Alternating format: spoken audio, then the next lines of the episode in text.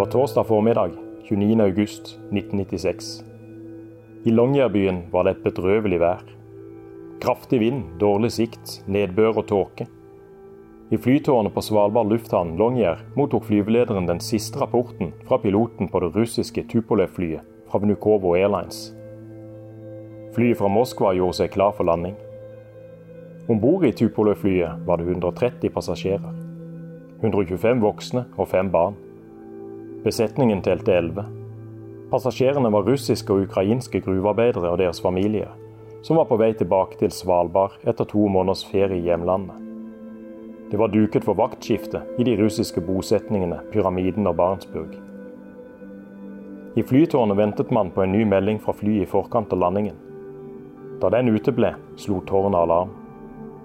I Longyearbyen fikk sysselmannskontoret beskjed om at det russiske flyet ikke hadde landet som planlagt. Første innskytelse var at flyet kanskje hadde returnert til Moskva pga. den dårlige sikten. Samtidig ble det besluttet å sette inn helikopter for å lete etter flyet. Om lag to timer etter siste rapport ble Tupolev-flyet funnet styrtet ved toppen av det 968 meter høye Operafjellet. Det meste av flykroppen lå spredt innover Bassenplatået, mens halepartiet var rast nedover fjellsiden. Selv om Operafjellet kun lå få kilometer fra sentrum av Longyearbyen, var det ingen der som hadde hørt eller sett noe. Et helikopter med to politimenn og tre sykehusansatte ble sendt til toppen av fjellet. Det var lavt skydekke, og det snødde lett da de landet. Redningsmannskapene forventet å finne døde, men forberedte seg også på å hjelpe sårede mennesker i sjokk. På toppen av det tåkedekte fjellet var det øredøvende stillhet.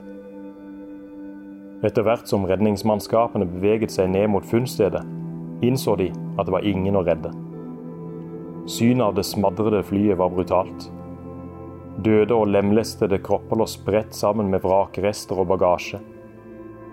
Alle de 141 menneskene om bord hadde mistet livet momentant da flyet ble knust i fjellet.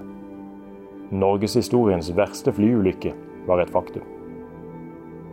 Flyulykken i Operafjellet var en av mange dramatiske saker som Norges første kvinnelige sysselmann, sørlendingen Ann-Kristin Olsen, måtte hanskes med i løpet av sin tid på Svalbard.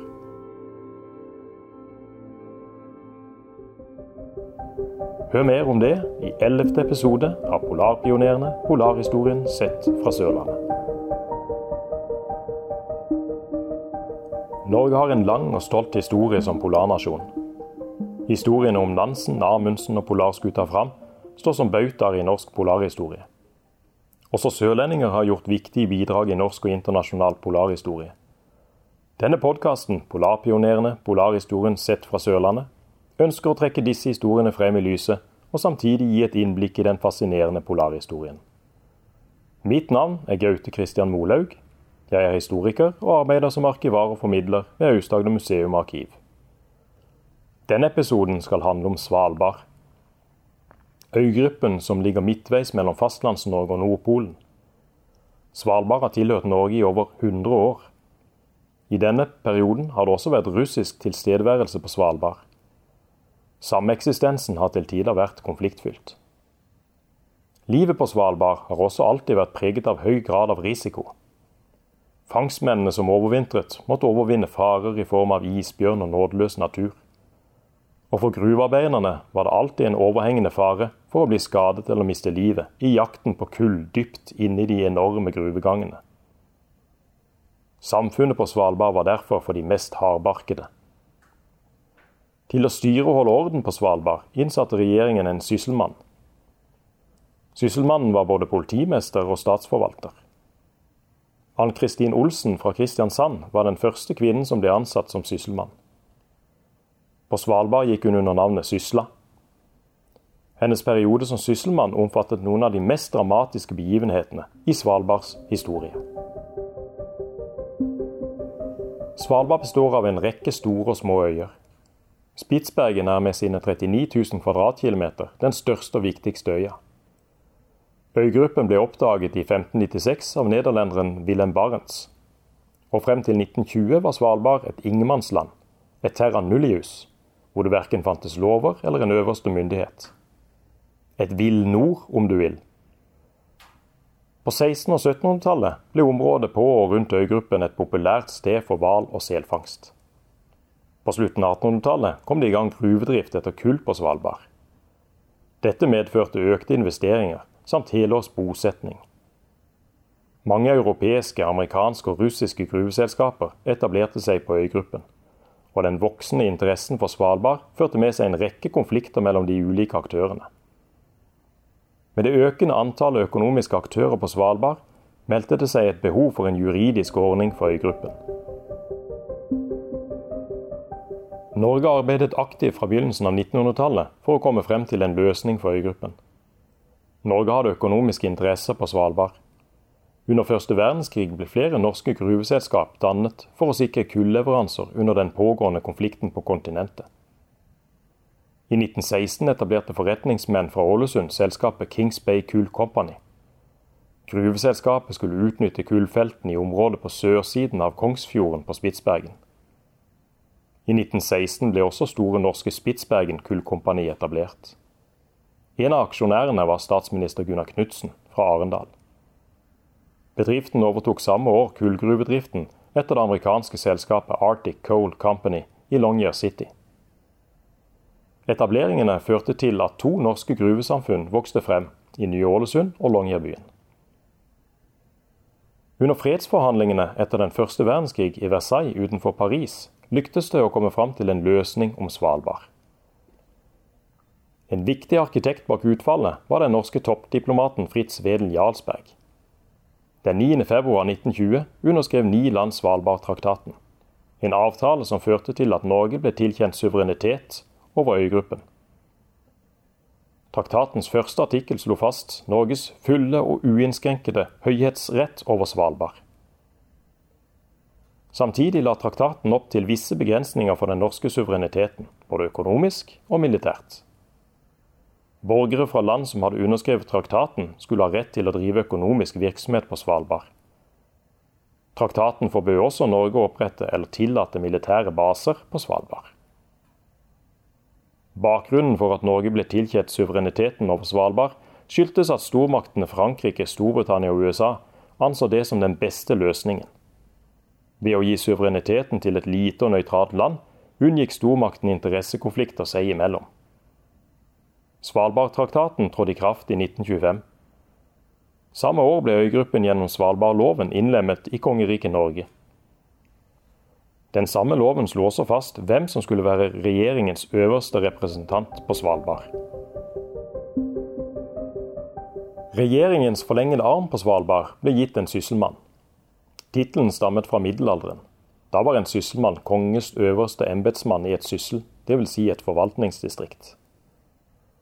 Sysselmannen på Svalbard skulle ha samme myndighet som en fylkesmann, men også være politimester og notarius publicus. Sysselmannsstillingen skulle gå på åremål og ha tilhold i Longyearbyen. Den første sysselmannen på Svalbard var juristen Johannes Gerkens Bassøe fra Østfold. Han ble avløst av polarlegenden Helge Ingstad i 1933. Ifølge Ingstad burde en sysselmann være en passe blanding av jurist, sjelesørger, hundekjører og diplomat. I likhet med arbeidet i gruvene var sysselmannsembetet forbeholdt mannfolk. For Svalbard var et mannssamfunn. I alle fall fram til 1970-tallet. Da begynte det å skje endringer. Da staten overtok alle aksjene i gruveselskapet Store Norske i 1975, la myndighetene opp til en normalisering av lokalsamfunnet i Longyearbyen. Med familiebosetning, bedre velferdstilbud og offentlige tjenester. En viktig milepæl var da Svalbard lufthavn åpnet i 1974. Svalbard kom plutselig nærmere Norge. Samtidig ble det bygget familieboliger i Longyearbyen. På 1980- og 90-tallet ble det satset mer på turisme, forskning og utdannelse. Det norske Svalbardsamfunnet var i endring. Det var tid for endring også hos sysselmannen. I september 1995 ble Ann-Kristin Olsen ansatt som Svalbards første kvinnelige sysselmann. 70 år etter at stillingen ble opprettet. Det var ingen hvem som helst som regjeringen satt til å styre på Svalbard. Ann-Kristin Olsen fra Kristiansand hadde lang erfaring med å innta lederstillinger i tidligere mannsbastioner. Ann-Kristin Olsen ble født i eksil i Stockholm i mars 1945. Hennes mor hadde rømt til Sverige under krigen etter å ha arbeidet illegalt i Norge. Hun følte det var tryggere å føde i nøytrale Sverige. Etter krigen flyttet familien til Kristiansand, hvor Ann-Kristin Olsen vokste opp. I Kristiansand arbeidet faren som byens havnefogd. Etter endt gymnas i Kristiansand flyttet Olsen til Oslo, hvor hun studerte juss ved universitetet. I studietiden var hun engasjert i feminist- og likestillingsspørsmål. Hun ble uteksaminert i 1972 og fikk jobb som fullmektig i en real mannsbastion, politiet. Her skulle hun gå graden og erobre flere lederposisjoner. I 1980 ble hun landets første kvinnelige politiinspektør. Og tre år senere ble hun utnevnt til politimester i Halden. Olsen ble da den første kvinnelige politimester i landet. På begynnelsen av 1990-tallet ble hun landskjent da hun som politimester i Halden satt med ansvaret for etterforskningen av de brutale Tistedalsdrapene. I løpet av 1991 til 1992 ble fire mennesker myrdet i det lille tettstedet Tistedal ved Halden. Saken ble til slutt løst av politiet i samarbeid med Kripos. I 1994 ble en lokal mann dømt for alle fire drapene. Tistedal-saken anses som en av de verste drapssakene i norgeshistorien. Ann-Kristin Olsen så nok for seg en roligere tilværelse da hun etter tolv år som politimester i Halden takket ja til jobben som sysselmann på Svalbard. Ifølge et intervju med Svalbardposten var det eventyrlyst som lokket henne nordover. For en politimester var det et uvant samfunn som ventet på Svalbard. Et samfunn nærmest uten kriminalitet, hvor det var høy materiell standard og alle hadde jobb. Hun så for seg noen rolige år på Svalbard. Slik ble det definitivt ikke. Ann-Kristin Olsens tre år på Svalbard kom til å romme flere av de mest dramatiske hendelsene i øygruppens historie. Ann-Kristin Olsen tiltrådte stillingen som sysselmann 1.9.1995. Dagen før hadde en erfaren islos blitt angrepet og drept av en isbjørn. Dette var det andre isbjørnangrepet med dødelig utfall dette året. Det var gått hele 18 år siden en konfrontasjon mellom isbjørn og mennesker hadde krevd liv. I november 1995 brant Sysselmannsgården ned i Longyearbyen. Brannen var en av tre branner som bråket Svalbardsamfunnet denne måneden. Heldigvis kom ingen personer til skade i noen av brannene. Mer dramatikk var i vente. I mars 1996 havarerte et Super Puma-helikopter med syv personer i Vidjefjorden på Svalbard. Helikopteret var ute på treningsoppdrag da det havarerte på isen. Alle overlevde, men to ble skadet. Helikopterulykken kan ses på som et forvarsel på hva som var i vente.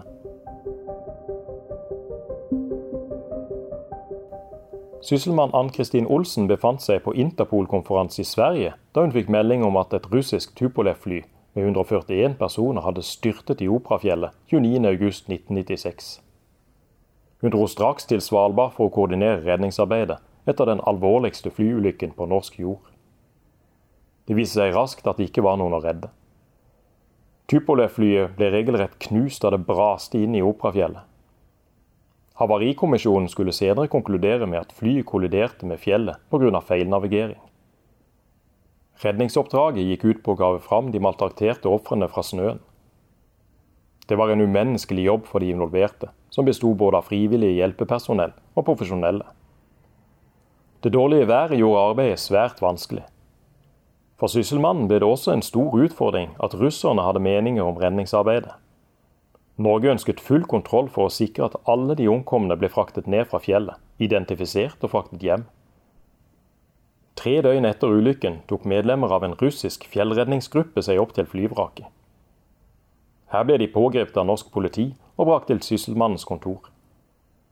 Pågripelsen forsuret forholdet mellom nordmenn og russere på Svalbard, og fikk bred pressedekning. Saken ble løst da sysselmann Olsen tillot russere å bistå i redningsarbeidet, under norsk ledelse. Forholdet mellom sysselmannen og de russiske bosetningene på Svalbard ble utfordret under redningsarbeidet. Men samarbeidet ble etter hvert bedre. Og ulykken brakte nordmenn, ukrainere og russere på Svalbard nærmere hverandre. Sysselmann Ann-Kristin Olsen ble i 1997 tildelt Jeltsin-medaljen av Russland for sin innsats i forbindelse med flyulykken. Om lag ett år etter flyulykken i Operafjellet skulle en ulykke igjen ramme det lille russiske samfunnet på Svalbard. Russerne hadde vært nærmest permanent på Svalbard siden begynnelsen av 1930-tallet. Det var det statseide kullselskapet Trysts Artikugol som drev gruvene i de russiske bosetningene Barentsburg og Pyramiden. Gruvearbeiderne var kontraktsarbeidere og arbeidet på Svalbard på toårskontrakter.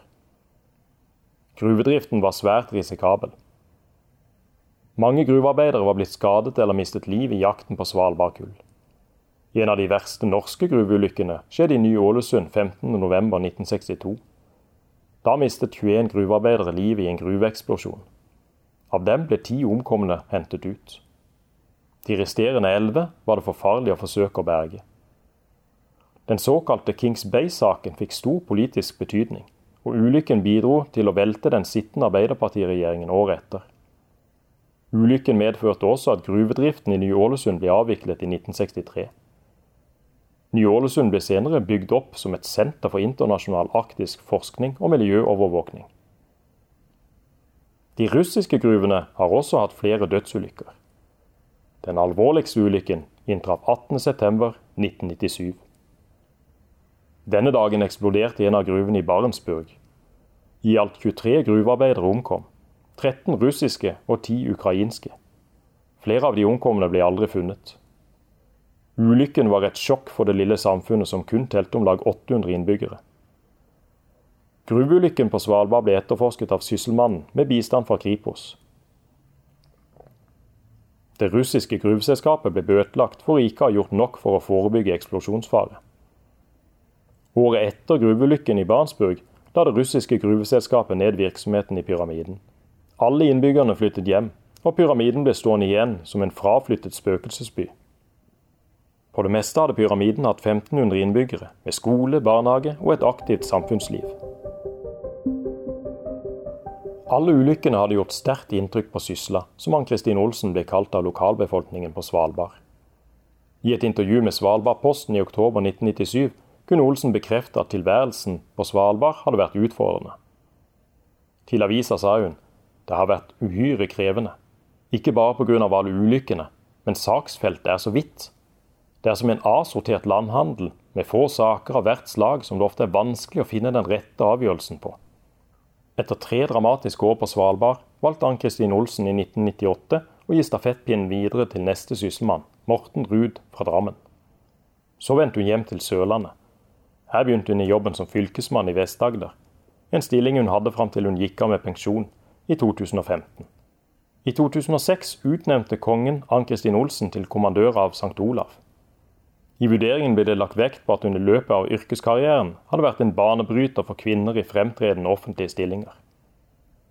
Mange av stillingene hun har hatt, hadde gått tydelig frem av yrkestittelen at de var forbeholdt menn. I 2020 vedtok regjeringen at statlige yrkestitler skulle være kjønnsnøytrale. Endring ble det også på Svalbard. Etter nærmere 100 år med sysselmann ble tittelen 1.7.2021 endret til sysselmester.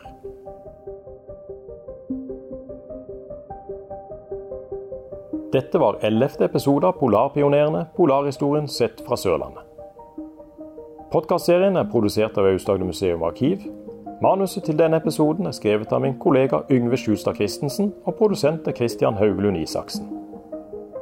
Hovedkildene som er brukt i denne episoden, er artikler knyttet til Svalbard på Store norske leksikon, Svalbardpostens intervjuer med Ann-Kristin Olsen i 1997 og 2003, og Sysselmannens rapport 'Glimt fra et åremål' Utdrag fra sysselmann Ann-Kristin Olsens rapport til Justisdepartementet på åremålsperioden 1995-1998.